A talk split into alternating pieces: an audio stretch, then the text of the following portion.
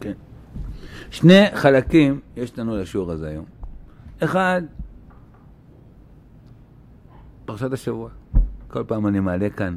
השיעור נקרא מושגי יסוד. מושגי יסוד, שואלים את פרשיות השבוע. תמיד זה החלק אחד זה ספר דברים. החלק השני, ענייני דיומא של אה, ציפית לישועה, ציפיית הישועה שלנו בין המצרים.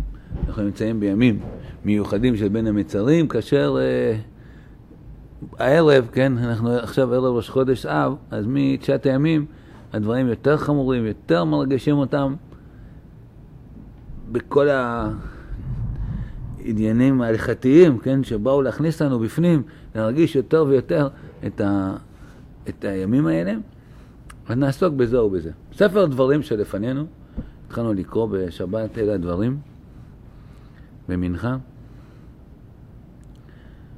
והספר הזה יש לו שם שנקרא משנה תורה. משנה תורה. משנה זה... יש כמה הסברים למילה משנה. ואנחנו כאן נראה את, את הדברים מתוך הקדמה של הנציב. יש לו פירוש, הנציב מוולוז'ין, ראש ישיבת וולוז'ין, והיה לו פירוש, יש לו פירוש נפלא, העמק דבר על התורה. יש לנו גם סדרה בימי רביעי, שאנחנו מביאים אותו קבוע, פרשת שבוע על פי הנציב, וכאן, בפתיחה לספר דברים, ראיתי צורך להביא את זה כאן, מה הספר הזה, מה עניינו של ספר דברים. לפני שנכנסים לספר, כן, הנציב בכל ספר, הוא נותן פתיחות מאוד חשובות, מה עניינו של הספר. כמו שקוראים הקדמה לספר, כן? מה עניינו של הספר הזה. כשאנחנו קוראים כאן, רואים ספר דברים, ארץ ישראל היא, היא, היא לא מפסיקה, לא, לא, לא, לא מפסיק לדבר עליה. כל הזמן, אה, כמו שהבאתי לכם באחד השיעורים, הבאתי לכם ביטוי של אה, בעל יסוד ושורש העבודה, הוא כותב, כל הזוהר, כל התורה הקדושה וכל הזוהר הקדוש מלאים מעניין של לימוד זכות על עם ישראל. כן, ביטוי כזה, כן? כל ספר אה, דברים עוסק בקשר לארץ ישראל. הציווי הברור הזה, קומו ועלו לארץ ישראל. הדבר הראשון כאן, שיש פה הקדמה של איזה שישה, שבעה פסוקים, אפילו פחות. אלה הדברים שדיבר משה אל כל ישראל בעבר ירדן, נתן פה כמה וכמה שיחות, ככה מדברים המפרשים, מי, כתוב כאן,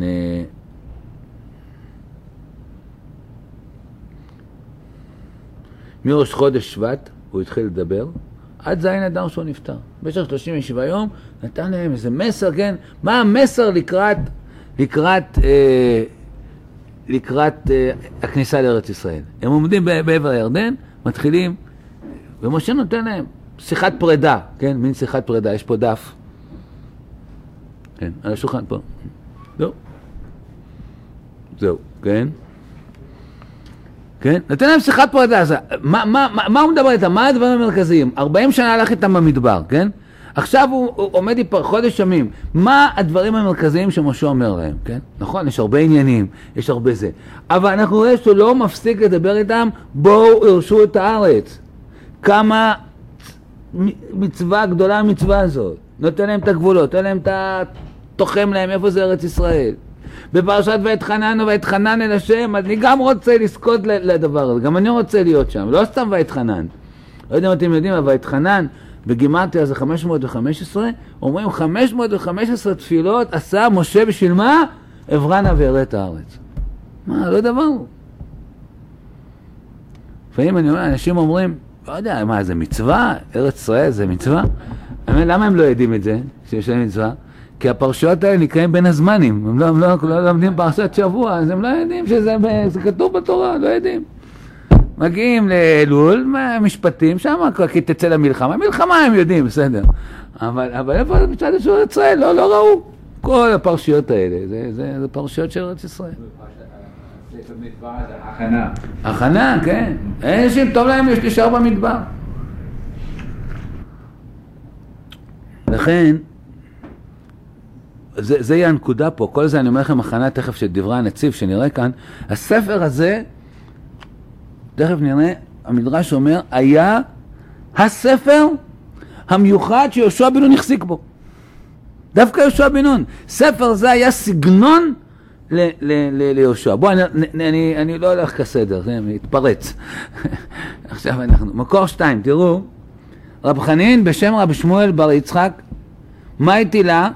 מסיפה, אה, מסיפה, שם בברכות של, אה, שמשה בירך את, אה, את בני ישראל, בכור שורה הדר לו, אפשר כן, אלא זה יהושע, שהוא עומד ממנו, מיוסף. כן, יהושע יוצא מיוסף, מאפרים. שהוא מעמיד גלגל חמה ולבנה, שהם שולטים מסוף העולם ועד סופו. דאמר רב שמעון בר יוחאי, ספר משנה תורה היה סגנון ליהושע. כן, סגנון זה, זה משון כאילו ביטוי, זה הספר שהוא הולך איתו כל הזמן. זה ה... כן, ערכת, מה יש לו בפק"ל, כן? כשהוא הולך להילחם, מה, איזה ספר הוא לוקח? ספר דבר, דברים. בשעה שנגלה עליו הקדוש ברוך הוא, מצאו יושב וספר משנה תורה בידו. למה, למה יהושע דווקא מעיין כל כך בספר משנה תורה? אמר לו, חזק יהושע, אמץ יהושע, לא ימוש ספר התורה הזה מפיך. אתם שומעים חידוש? כל החיים למדתם בתחילת יהושע, שהקדוש ברוך הוא אומר ליהושע, לא ימוש ספר התורה הזה מפיך. על מה מדובר? מה? כל התורה, נכון? כל התורה, מה, מישהו חשב... פתאום המדרש פה אומר, אומר לו לא, ספר, ספר דברים אתה צריך לעיין בו. אתה הולך עכשיו לכבוש את הארץ? אתה, רוצה לדעת איך נלחמים, מה עושים, מה המצווה הזאת? תעיין בספר דברים. מה? מסכם, בסדר, מסכם, סיכום, סיכום, בסיכום אתה מביא את התמצית, נכון? מה, מה, מה הנקודה המרכזית? תכף נראה. נטלו יהושע והראה אותו לגלגל חמה. כשהוא בא במלחמה, כן? כשהוא בא במלחמה, והיה צריך להגיד שמש בגבעון דום וירח מעמק איילון, נטלו את הספר הזה ואמר לו, כשם שלא דוממתי מזה, כן? כמו שלא הפסקתי לקרוא את ספר דברים כל הזמן, לא דוממתי, לא הפסקתי לרגע, לא נדם, אף אתה דום מלפניי, כן? אתם שומעים? איזה זכות יש ליהושע בן נון? ספר דבורים. מיד וידום השמש וירח עמד. כן? אז זה השפיע עליהם. אמר רבי יצחק, הוא מביא עוד, עוד, עוד דבר. אמר לו, עבדה בישה, לאו זביניה דאבא את? האם, האם אתה, אתה לא נמכרת, הוא אמר לשמש, לא נמכרת כבר לאבא שלי? לא כך ראה אותך אבא בחלום, הנה השמש והירח ואחר כך משתחווים לי? מיד וידום השמש. אז זה עוד, זה עוד מימרה, כן? זה יש פה שני דברים, כן? אחד, בזכות ספר דברים הוא עצר אותו. ואחד, בזכות שהוא אמר לו כבר, השתחווית לאבא שלי.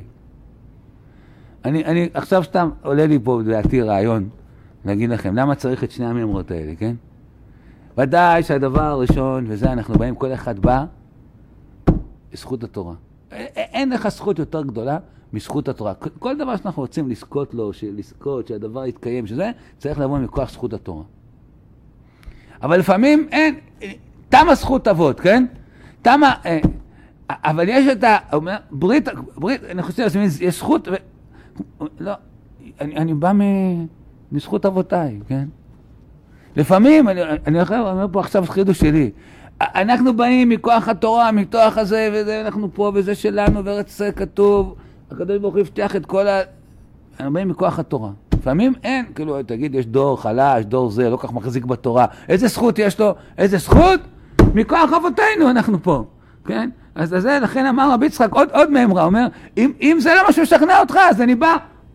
אתה עבד של, של, של, של, של אבא שלי, השתחווית כבר ליוסף. אולי, אה, להבין למה יש במדרש שני, שני, שני פנים. על כל פנים, זה הספר, מה כתוב בספר הזה? אומר, uh, אז בואו נראה רגע את הנציב, ואחרי זה נתרחב עליי, הדברים גם של הרב ציודה כאן, שהיה אומר uh, איזה דברים מיוחדים בספר דברים. אז בנציב, מקור אחד אומר ככה, זה הספר נקרא משנה תורה, וכתב התוספות ראש מסכת גיטין למשנה תורה, אינו אלא חוזר ושונה מה שלמעלה. כאילו זה חזרה, כמו שאמרתם, איזה סיכום, משהו כזה, וזה טעם שומע בפי הרמב"ן. גם הרמב"ן מסביר ככה. עד שהרמב"ן, כשהגיע למצוות שפרשת שופטים, ותצא, מבאר כמה מצוות שמצווה זו מעין וחלק, אותה מצווה כתובה כבר. כלומר, הוא אומר, הרמב"ן כל כך הולך בכיוון הזה שזה חוזר על דברים, שהוא ממש אומר, שם הביאו חלק מהדברים ופה המשיכו את המצווה. זה ממש כאילו איזה המשך לדברים שנאמרו בתורה. עד שחושב מצוות שלא יחכן, חלק ממצוות אותו ואת בנו, ובעיניי הוא פלא, אומר הנציב, ככה. פש.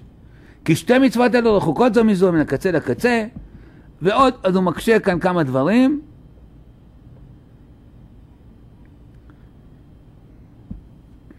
ואז הוא אומר ככה, והנה, במקור 1 שורה 21, ובראשית רבה, פרק ו', איתה אמר רבי שמעון בר יוחאי, הנה, את, את המדרש שהבאתי לכם קודם, ספר משנה תורה היה סגנון ליהושע. בשעה שנגלה אליו הקדוש ברוך הוא מצאו יושב ושונה ספר משנה תורה בידו. הוא אומר ככה, למדנו דמזה הספר בייחוד. יש להוציא ממנו כל אופני המוסר.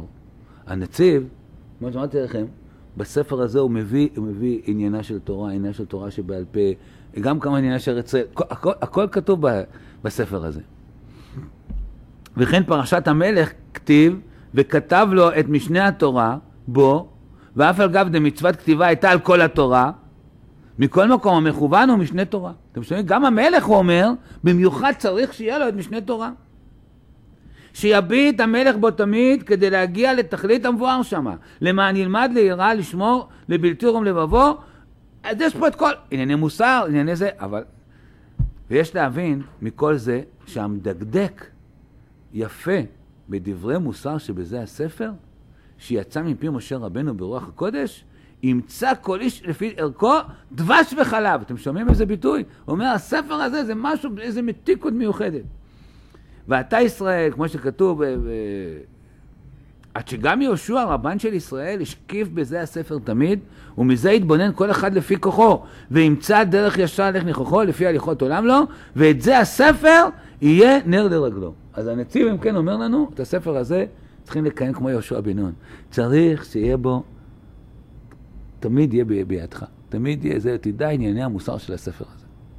אמנם, ראש וסוף התוכחה שבזה הספר הוא על החזקת חוקים ומשפטים וכולי. טוב, הבאתי פה עד סוף הדברים שלו. הרב צבי יהודה, כשהיה בא לדבר, מה, מה זה המשנה תורה הזה? מה העניין הזה באמת? למה לא, מה, מה, מה, למה לא מספיק מה שהיה בארבעה ספרים? למה צריך פתאום לחזור על דברים? פתאום לעשות, לעשות איזה בירור חדש בתורה, איזה העמקה נוספת בתורה, מה העניין? מלמד לנו הרב צבי יהודה, כן, שנכנסים לארץ ישראל, אז יש התחדשות של התורה, יש הערה חדשה של התורה, יש בירור חדש של התורה. יש כאן אה, אגרות חלק א', אגרות, יש שם אגרות חלק א', פה אין, מאחוריי מה יש? אגרות חלק א'?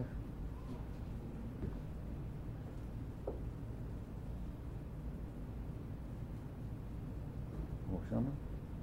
לא אורות הקודש, אגרות. אגרות, הנה. אגרות. סתם, אני אומר לכם דוגמה, יש איזה... האיגרת הראשונה, נראה, אני, ככה זוכר. ב...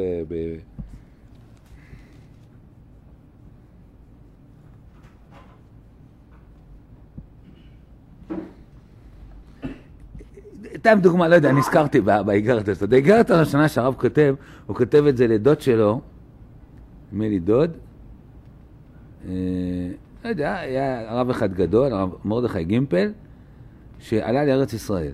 הרב, הרב, הרב עדיין לא, הרב עדיין כאן ב, ב, בחוץ לארץ, הוא כותב לו את זה. אז הוא אומר, אה,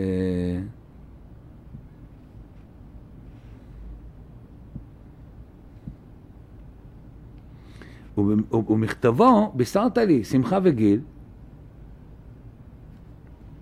אה, ששמת פעמיך אל ארץ הקודש. פחד ורחב להביא לי שמועה טובה, כי ארץ קודשנו תגיל בראותו בן נאמן כמוך, אשר בו תתפאר.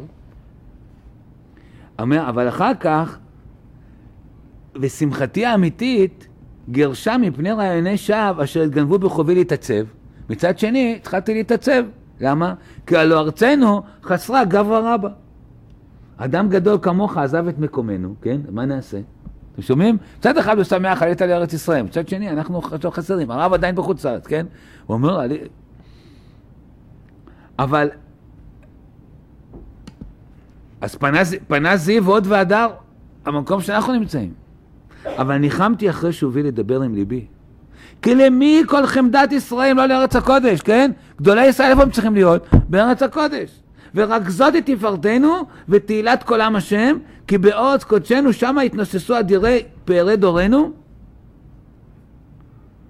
ואווירה דרצה תוסיף שנות חיים, אבל, אבל היה עוד משהו שהוא אומר לו, אה, שברור, אולי זה במכתב אחר בהמשך, שהדברים, אני בטוח, יגיעו לארץ ישראל, הם יקבלו עוד ממד חדש, יקבלו עוד הבנה, יקבלו עוד הוראה. אולי, אולי זה במכתב אחר. כן, בארץ ישראל, במיוחד, אז גם בימי יהושע בן נון, עם ישראל הלך במדבר 40 שנה, יש אנשים, כמו שאנחנו שומעים, התרגלו להיות במדבר. בא עכשיו הקדוש ברוך הוא, בא משה רבנו, אומר להם, תראו, אנחנו עושים עכשיו חזרה, למקד, כן, מה הדברים המרכזיים של התורה.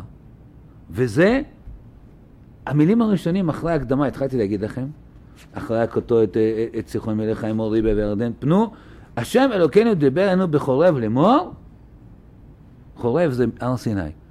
תמיד אני אומר, תשאלו, אמר לי זה רב אחד פעם, שאל כל ילד, מה השם אמר לעם ישראל בהר סיני? מה הוא אמר להם בהר סיני? עשרת הדיברות, נכון? זה התורה.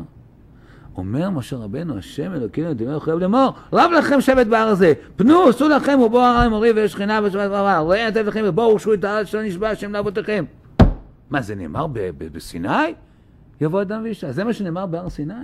כן, זה עומק כל העניין. כל מה שהתורה ניתנה, זה כדי שתקיים אותה בארץ ישראל. ולכן יש את המשנה תורה הזאת. לפני הכניסה לארץ צריך לבאר תורת ארץ ישראל. וכן גם לפני 70 שנה שבאנו לכאן, הרב קוק כבר נתן לנו כלים ונתן לנו צדה לדרך לקראת הכניסה הזאת לארץ ישראל.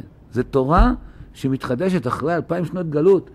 יש תורה שמתחדשת, מבארת עניינים חדשים שלא עסקו בהם כשהיו בגלות. כמו שמיטה אה, ותרומות ומעשרות וכל... אה. הנה, אומר הרב ציודה, מקור שלוש, משנה תורה, שם מיוחד בחז"ל, תורה מן השמיים, ובתוך זה חלקים לא סתם שם מיוחד, אלא יחס מיוחד. הוא, הוא, הוא מביא שכתוב שיש כל מיני כללים בספר דברים לעומת ספרים אחרים. אז י"ג מידות שהתורה נדרשת בהם, הוא מרב לזר ברבי יוסי הגלילי, ל"ב מידות לדרוש הלכות מקורות ופסוקים, ישנה מידה אחת שנקראת סמוכים, וכן נקש. זה, זה, אז הוא אומר, במשנה תורה זה, זה מיוחד.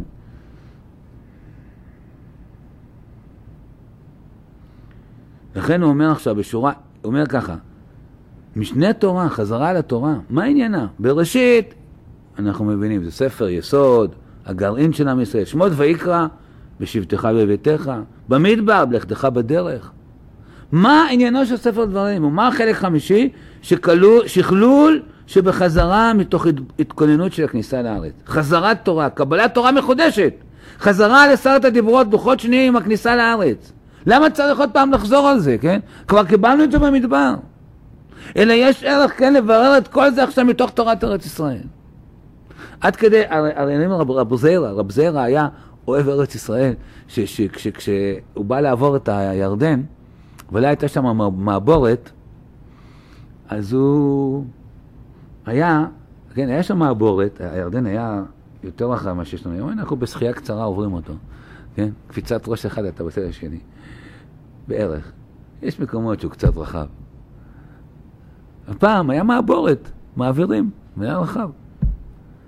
והיה גם איזה אה, קורת עץ עם איזה חוט מלמעלה, ומי שרצה ככה היה מחזיק בזהירות צעד אחר צעד, עובר את הירדן.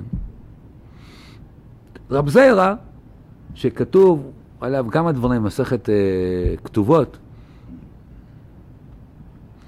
אבל משתמת מנדר רבי, הרב שלו אמר שאסור לעלות לארץ ישראל. אז הוא היה משתמט לא לשמוע את זה. שהוא לא, זה הוא רצה לבוא לארץ ישראל.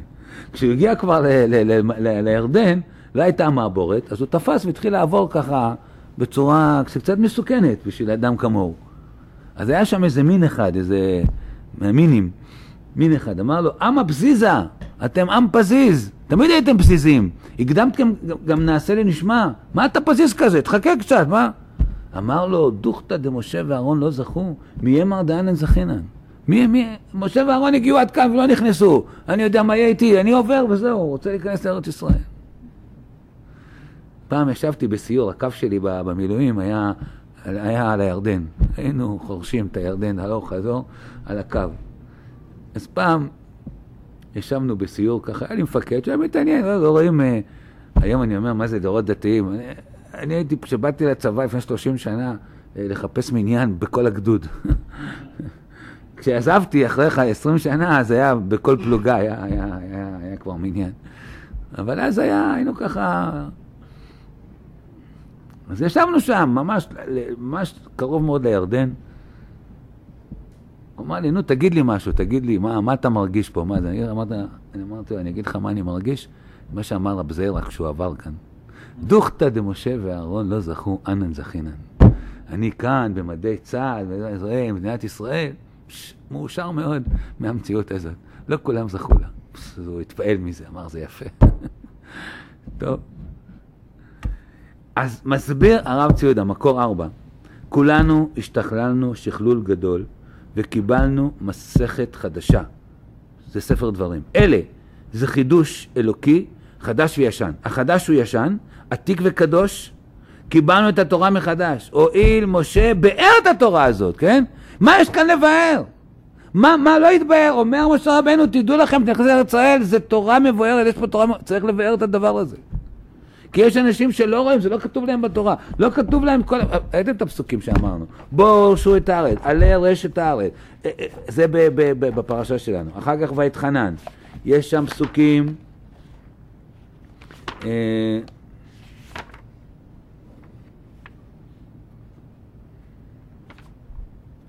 להוריש גויים, לתת לך את ארצם נחלה כיום הזה. אין, בעקב בכלל מלא, עק, עקב זה הפרשה שבין הזמנים יותר כבר בכלל. לא, אה, כל הארץ זבת חלב ודבש, כל, כל שבח הארץ. כל המצווה של אנוכי מצווך היום תשמעו לעשות למען תחיו וביתם ובתיהם וירשתם את הארץ שנשבע השם, זה בעקב, לאבותיכם. מה זה, איפה מה זה? לא כתוב ב... כל התורה מלא מזה, זה משנה תורה. הואיל משה בארץ התורה, תדע, מגמת התורה זה להיות בארץ ישראל, לא להישאר בחוץ לארץ.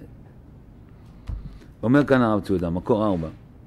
המסכת החדשה הזאת היא חזרה וביאור של התורה. מתוך יציאתנו ממצרים, מן המדבר, אנחנו מתחילים להתקרב לתכלית האמיתית, שלמות התורה והמצוות ושלמות כלל ישראל, שלמות חיותנו בציון, בית חיינו. קודם כל מבאר משה רבנו את כל מה שעברנו, ואחר כך הוא מחדש את כל עניין ישראל ותורה מתוך האור החדש שעל ציון. הוא מבאר את החילוק בגישה לישראל ואורייתא בין מצב של מחשכי הדרך לבין מצב האור, מקום האור בארץ האור. תראו איזה ביטויים מיוחדים של הרב צבי יהודה. כאן מביא הרב צבי יהודה דבר שזכיתי לשמוע גם כן ממנו בשיעורים. אומר הרב צבי יהודה ככה, במקור, אה, קורא ארבע, מקור ארבע, שורה עשר, התחדשות הנשמה בארץ ישראל. בארץ ישראל זוכים אנו להתחדשות נשמתית. כאן באוויר הבריא שלנו, בית חיינו, מופיע עיקר חיינו, עיקר מציאותנו, עיקר הנורמליות שלנו, נשמתנו הציבורית הכלל ישראלית. יש בעניין זה קביעת עובדה חשובה על ידי בעל החסד לאברהם, אחד מגדולי קדושי ישראל. נדמה לי שהוא היה הדוד של החידה, גם קראו לו אזולאי. כשיהודי, הוא אומר ככה, בא בפעם הראשונה לארץ, הוא מקבל נשמה חדשה. באופן שטחי נדמה שזה אותו יהודי, זה טעות. נשמה חדשה באה לתוך האטמוספירה שלנו, לתוך האוויר החדש שלנו. בלילה הראשון כשהוא יושן, הוא אומר, נכנסת לו נשמה חדשה, אח... לא, וכשהוא בא לארץ נכנסת לו נשמה חדשה. בלילה עולות שתיהם לשמיים, וחוזרת רק הנשמה של ארץ ישראל. אדם חדש יש כאן. נדמה לי באורות, אורות, אורות, אורות. אני צריך אורות. הרב כותב את זה מעין זה.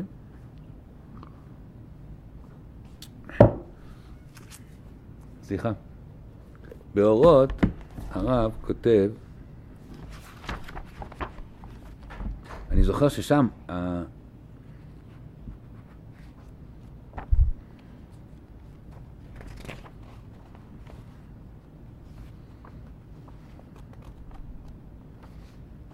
רגע.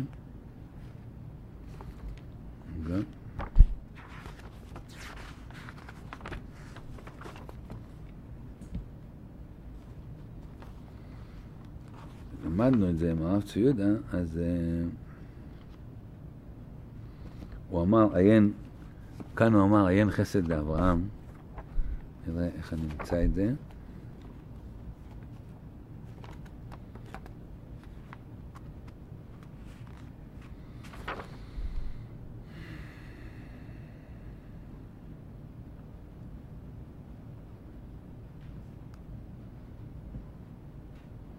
לא.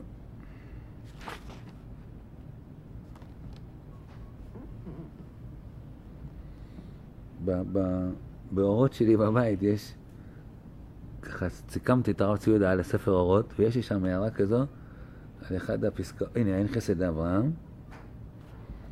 רגע, זה בגימל, גימל. בואו נראה רגע. אורות.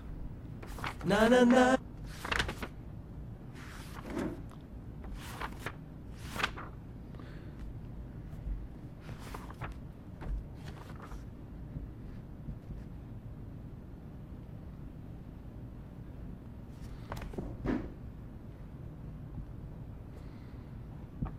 טוב, לא נורא.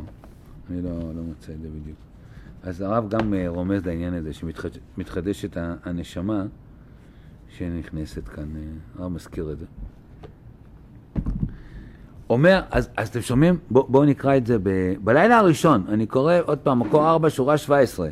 וכך סדר הלילה הראשון לעלותו ארצה. כשהוא הולך לישון, הוא מפקיד רוחו בידך, מפקיד רוחי. במשך השעות האלו, חיוניותו מעוכבת מלהתגלות כלפי חוץ. כשהוא מתעורר, אין הוא אותו יהודי, אלא יהודי חדש. התחדשה חיוניותו באוויר הנורמלי והבריא שלנו, באוויר המקורי שלנו, באווירת ארץ ישראל. החסד לאברהם כותב שהיהודי שמגיע לארצה מקבל נשמה חדשה במשך הלילה הראשון, בין שהוא יודע זאת, בין שאינו יודע זאת, בין שמרגיש בכך ושלא מרגיש בכך. עובדה זו היא כל כך חזקה, רחוקה מהבנה. אדם מישראל שנושם מאוויר ארץ ישראל, מיד נעשה שייך למציאות אחרת.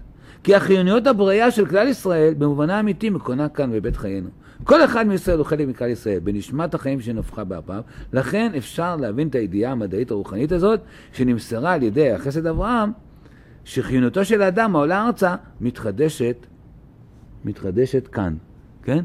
אדם מתחדש. לכן כל זה אני אומר, להבין למה צריך לחזור על, על, על, על התורה, למה צריך לחזור, לעשות משנה תורה, לבאר מה, הלכנו במדבר, למה? להישאר במדבר?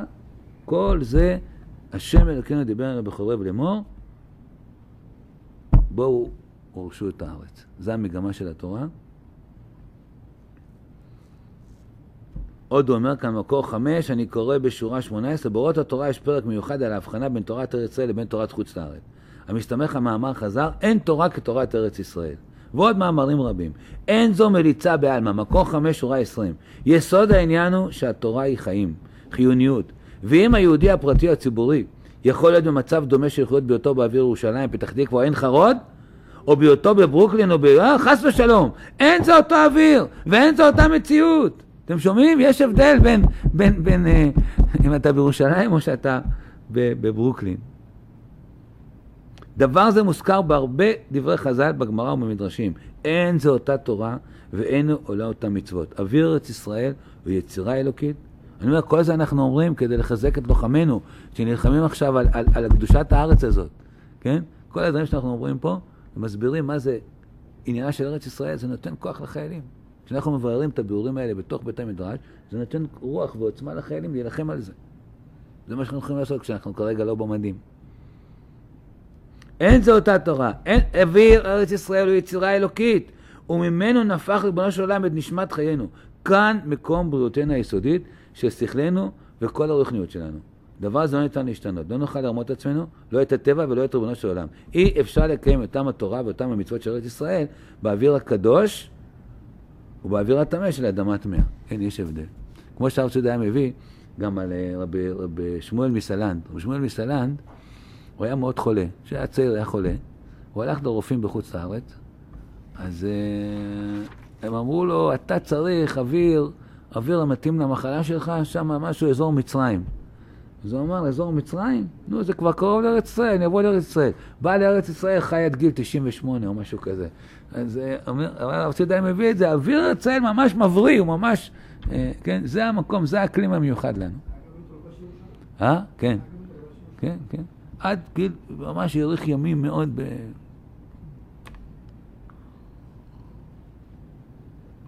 אנחנו נמצאים בימי בין המצרים, ערב ראש חודש אב. מה זה, המציאות הזאת, היא, היא, היא...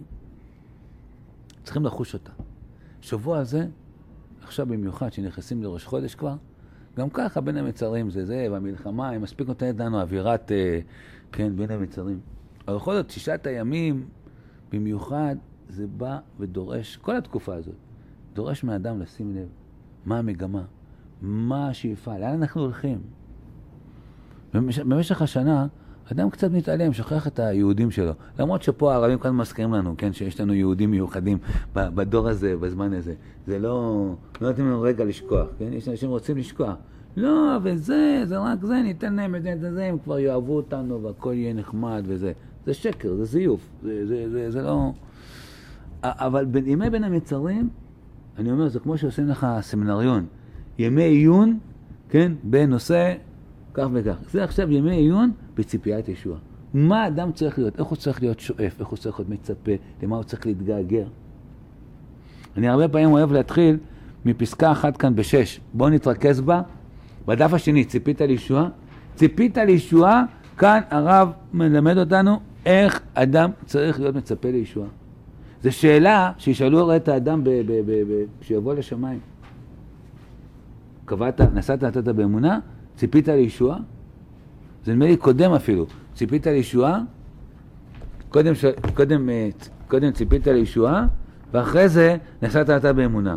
למה? אומר הרב קוק כאן באורות,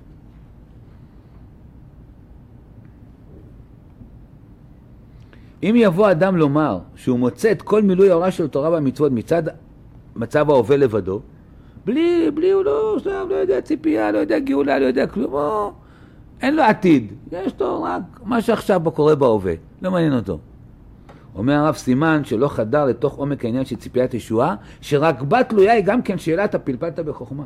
קודם שואלים אותו, ציפית לישועה, אחר כך פלפלת בחוכמה. למה? כי הפלפול בחוכמה הוא לא סתם רק כזה מאתגר, זה יפה, אלא כל הפלפול בחוכמה, כל התורה שלך, צריכה להעמיק בך את הציפיית ישועה שלך.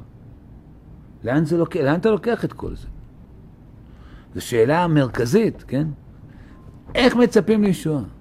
תמיד אנחנו מביאים כאן את הסיפור על החפץ חיים. חפץ חיים. תיק קטן בבית, מוכן. אומרים לו, מה זה התיק הזה? היה לו איזה מזוודה קטנה, משהו, כמה בגדים שם ארוזים וזה. הוא אומר, יבוא המשיח. מה, אני אתחיל לארוז? אני ארוץ מהר, אני אקח את התיק ואני ארוץ. ככה הוא חי, ציפיית ישועה. עשה גם דברים בפועל, הוא אמר ללמוד ענייני מקדש. הרב חפץ חיים פעם פגש את הרב קוק, אמר לו, אני רוצה לבקש לך שני דברים. שני דברים אני רוצה לבקש ממך. טוב, נו, מה, מה חפץ חיים יכול לבקש מהם, כן? גם אתם, נראה, חפץ חיים, אפשר לבקש ממך משהו? הנני ואני, מה? אומר לה חפץ חיים לרב קוק, תבטיח לי אבל שתקיים את זה. טוב, מה, מה הוא יכול לבקש ממני? הבטיח לו, הבטיח לו. אמר, דבר אחד אני מבקש, שתעסוק בענייני המקדש. מהרה ייבנה המקדש, ויצטרכו ללמוד ההלכות לזה. אין מי שאתה אדם גדול, תכתוב דברים על, הליכות מקדש. הרב קוק אמר לו, בסדר. הרב קוק כהן גם, אומר לו, כן, בסדר, מסכים. אומר, דבר שני, מקום הראשון שיציעו לך להיות רב, תקבל את זה. או, אז הרב לא אמר, מה, מה, אז, אז לא יהיה לי זמן ללמוד. הוא אומר, אתה גדול כמוך, תספיק גם להיות רב וגם ללמוד הלכות מקדש. אז הרב קוק, אה, זה, בגיל 21 הציעו לרב להיות רב בזוימל, זה היה אבל בגיל 21 הרב כבר עבר כל התורה כולה, כל הש"ס, על כל הזה, אז הוא נהיה רב בזמל בגיל 21, אחרי זה הוא נהיה רב בבועז, כל כך עלה לירושלים, קודם ליפו ואחרי זה לירושלים. אז החפץ חיים, מה? מי? חפץ חיים?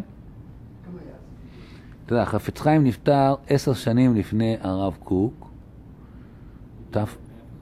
מה? 105? באמת? אה? הוא היה... הוא נפטר בשנת 33. כן. הוא נפטר בשנת 35. כן. 30 שנה? 25 שנה. כמה? 25 שנה.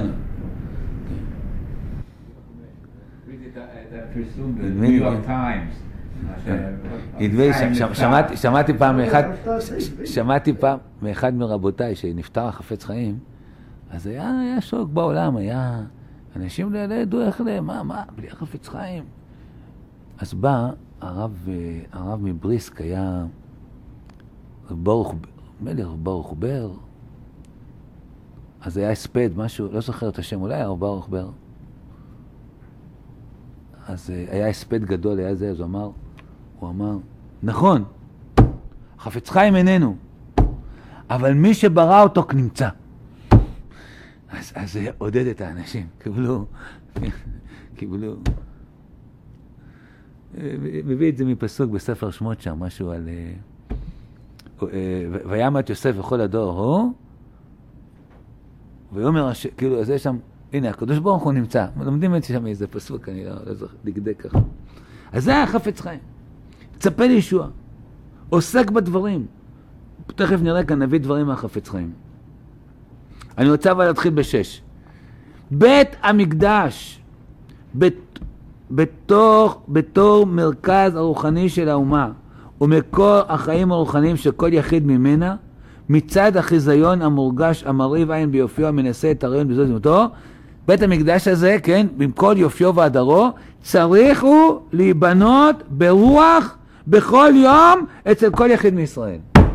איי, מתי נזכה לזה? לפחות בין המצרים, אני אומר, אתם שומעים מה אני אומר? לא שאני מקיים את זה. הרב קוק, כל הזמן החיזיון הזה היה לנגד עיניו. הוא היה מצפה ישועה, אה, הוא, היה, הוא ראה את זה לנגד עיניו. אני אוהב גם תמיד בשיעור הזה להקריא לכם כאן. טוב שהבאתם לי ספר אורות. בספר אורות, הרב מד- מדבר כאן באיזה מקום על, אה, על, על, על התרומות ומעשרות. באורות התחייה, פרק A, פרק A, עמוד נ"ח. אז תראו, הרב מתאר עכשיו תיאור של כהן שבא לקבל את התרומות ומעשרות. תראו איזה תיאור, איך החיזיון, אצל הרב, כן, בית המקדש ניצב לנגד עיניו. הרב מבריסק הוא הרב יצחק זאב הלוי סולובייצ'יק, הידוע גם בשמו הגריז. אם הוא אמר את זה, שי אבר. טוב, תודה. ערוץ אה, מאיר כותב לי, אני לא, לא זוכר את הרב שאמר את זה. לא יודע למה, אני לא זוכר. אבל הוא אמר, חפץ חיים איננו. אבל מי שברא אותו נמצא. אז אנשים התעודדו ו- וקמו מהאבל הגדול ש... כן, כן, צריכים לזכור. כן, יש, יש מנהיג, יש פה מי שמכוון את ה... זהו, תודה רבה. תראו איך הרב חי ציפייה, החיזיון של בית המקדש הוא כל הזמן נגד עיניו. אתם יודעים, אני אומר עכשיו, ככה, נזכר דרך אגב, למה חשוב לצייר בית המקדש מנגד עינינו? כל יום בתפילה אתה צריך לעשות את זה. כל יום בתפילה אתה צריך, למה צריך שיהיה לך ציור של בית המקדש? בתפילה כתוב, נכון? איפה, איפה משנה ברורה חלק א'? סליחה שהיום אני...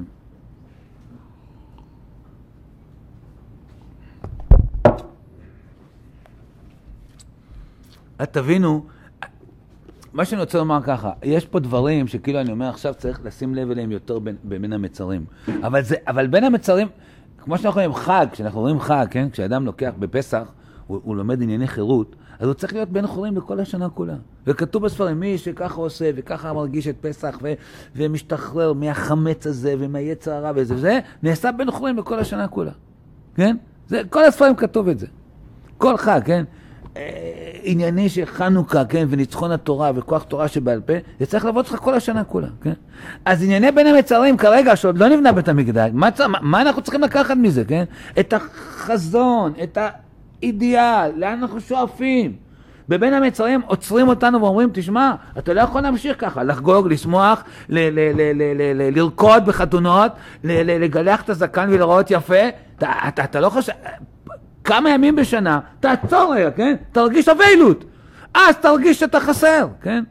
אז מכניסים לך את זה בקרב בקריים, אומרים לך אל תתגלח, ואל תתרחץ אפילו, כן? למנהג האשכנזים ממחר. ואל תאכל בשר. אז, אז זה אדם, הוא מתחיל להרגיש את זה בקישקע, בגוף, בבגדים, בזה, אז הוא מרגיש איך זה... כן? כי, כי ראו שאין, צריך לה... עוצרים את החיים. תרגיש מה אתה חסר עכשיו. אל תישאר ככה אדיש כזה כל השנה. כי הנה, אז בית המקדש, אדם צריך לצייר לנגד עיניו. כתוב, ב- ב- כשאדם בא להתפלל 18, בהלכות 18, כתוב,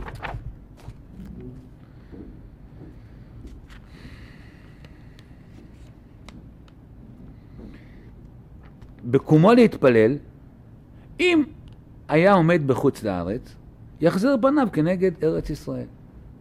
ויכוון גם לירושלים ולמקדש ובית קודשי הקודשים. היה עומד בארץ ישראל, יחזיר פניו כנגד ירושלים ויכוון גם למקדש אה, וכולי וכולי. הכל, כל הזמן לכיוון המקדש. כן? מה, מה העניין הזה? ש, שבכלל אתה מכוון לכיוון המקדש. עכשיו, הוא אומר ויכוון, יכוון ליבו. ורוצו לומר, הוא מסביר המשנה ברורה, שיחשוב בליבו ורעיונו כאילו הוא עומד במקדש אשר בירושלים במקום קודש הקודשים. ידעתם את זה כל תפילת שמונה עשרה? בסידורים הספרדיים, כנראה רח- רחמו עלינו, ותראו בסדר, בהרבה סידורים ספרדיים החדשים, אה, עבודת השם, כוונת הלב, כתוב למעלה. כתוב למעלה, בתחילת שמונה עשרה, איך שאתה מתחיל, יש שם כמה, כמה, מיל- כמה שורות, יכוון שהוא בבית המקדש, קודש הקודשים. זה צריך להיות כל הזמן בראש שלך. לכן אומר הרב קוק, הוא אומר לך כאן, עוד פעם אני חוזר למקור 6, בית המקדש בתור המרכז הרוחני של האומה, שורה שלוש, צריך הוא להיבנות ברוחו בכל יום אצל כל יחיד מישראל, אתה צריך כדי, למה? אם אתה מתאר, אתה מצייר את החזון הזה, אתה מצייר את בית המקדש מול עיניך, אולי אפשר גם בברכת המזון, שאומרים אה, ירושלים עליך, כאן בית מקדשך, כן? אתה אומר את זה, אתה זוכר את זה. נתנו לך כך, יש אה, פתאום הקטורת, יש קטורת, יש, יש כל כך הרבה דברים בתפילה שהם צריכים לעורר את האדם לחשוב בית המקדש. כמה? עשר דקות ביום. לא, כן? תפילת שמונה עשרה, תכוון. אני, הכל, אל, אל תחשבו שאני אני רק לומד מזה לעצמי, תאמינו לי. הלוואי שנזכה לזה. כדי להשיב בנפשו, למה צריך לצייר את בית המקדש כל הזמן? אומר הרב, כדי להשיב בנפשו במלוא חייה של הנשמה בתוכיות האומה בצבא השלם. אתה צריך להיות, להרגיש, לש, לשאוב ממרכז החיים של האומה, מהמצב השלם שלה. אם אדם, כן, מסתפק, מה שגם הרב אמר קודם באורות, במצב ההווה של האומה, זה, זה, זה, זה, זה דל, כן? המצב ההווה לא תמיד מזהיר כל כך. אתה צריך לזכור למה אתה שייך. אתה אדם מישראל, אתה שייך לבית המקדש, אתה שייך ל, ל, ל, ל, לגאולה שלמה. תן תיאור, ת, ת, תיקח איזה תיאור כזה ותהיה שם. פעם ביום אתה שואב מה, מה, מה, מהדברים הגדולים של עם ישראל, אז אתה, אתה, אתה מתרומם בעצמך. אתה נזכר שאתה שייך לדברים גדולים. הנה, כדי לשאוב, להשאיב את נפשו במלוא חייה בתוכניות האומה בצבא שלהם. אז ישובו ליחיד כוחותיו הנפשיים הרעננים, שחיי האמונה וחום הרגע דור פורחים מהם. תעודה זו, אומר הרב, איך עושים אותה? בשורה שבע, מתכוננת בפועל על ידי סדר היום של הקורבנות הנאמרים לפני התפילה. כן? א- א- איך, איך זוכים לזה? תגיד קורבנות. אל תתחיל מברוך שאמר, אל תתחיל מהשתבח שבאת כבר מאוחר. תגיד קורבנות, פרשת הכיור, פרשת התמיד, הקטורת, כל אלו, אומר הרב, זורעים מהם את גודל האלוקי שבבית הגדול והקדוש בעמקי הנשמה, קרוב למידת הסיגוב שהייתה לכל יחיד בעת היותו האומה חיה, מקדשה בתוכה עד מתי. אתם שומעים עד איפה זה מגיע? כל העושה כתוב בתורת חטאת כאילו הקריב חטאת. כל העושה, כן? כשאתה מעורר את זה ואומר את זה, זה נותן, אומר הרב, משהו קרוב למה שהיה אז. אז הנה הרב, תראו, הנה, התחלתי איזה תיאור. הרב כאן באורות אומר ככה.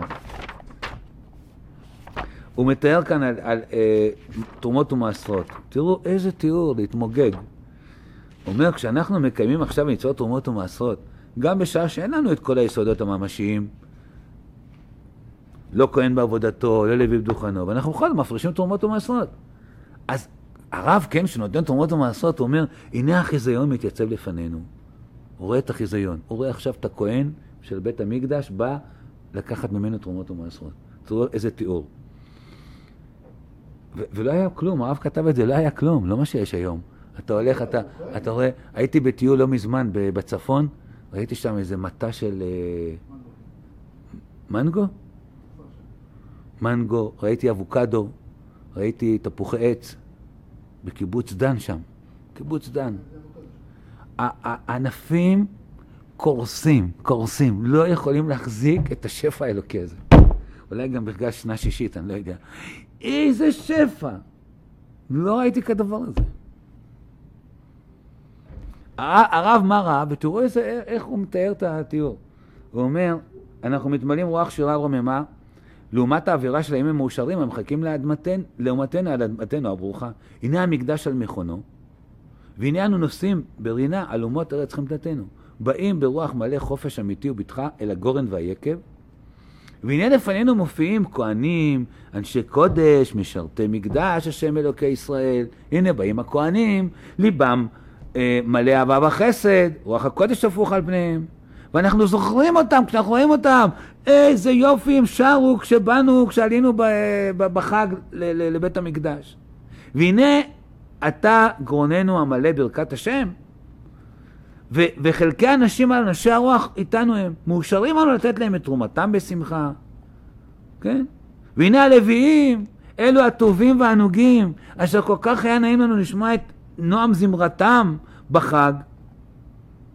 פניהם הצוהלים מזכירים לנו את זמרת קודשם, ואנחנו מתעדנים בנחלי הדנים, ונותנים להם בלב מלא שמחה ואושר את חלקם, את המעשר. והרב עכשיו נפרד מהם, עוד נתראה בהר השם במועד הקרוב. ומה ירחב לבבינו לראות את כהני השם ועבודת הקודשם משירם וזעם, אשרם שככה לא, אשרם שלוקם. אצל הרב, כן, אצל הרב, החזון הזה ניצב, כן, מול העיניים שלו. הוא יכול להגיד את הדברים שכתוב כאן בשש. הרב מחדש כאן עוד דבר. אז כשאתה מצייר את הציור הזה של, של המציאות השלמה של עם ישראל, בית המקדש, כן? לא, לא דחוק, אדם יכול להגיד, מה בית המקדש היום? בקושי אפשר פה להיכנס להר הבית, מה אתה עכשיו בית המקדש? לא, תצייר את הציור היותר שלם. זה מחבר אותך לדברים הגדולים של עם ישראל. אז אתה ניזון מזה, אתה, אתה מתעלם מזה. ועוד הרב אומר, שורה אה, עשר, גרעיני התשוקה אל השלמות של האומה, בתכונתה הולכים ועושים פירותיהם על תלמי הלב. הם הולכים ורבים, מסתרגים על כל... זה, זה, זה, זה, זה הולך לכל עם ישראל, צריך להגיד את זה, לא להתבייש. שאלה.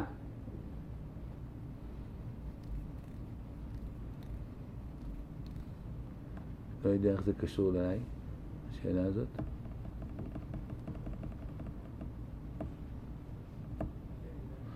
אמירת הקורבנות גורמת לו ולכוחות השונים להסתלק.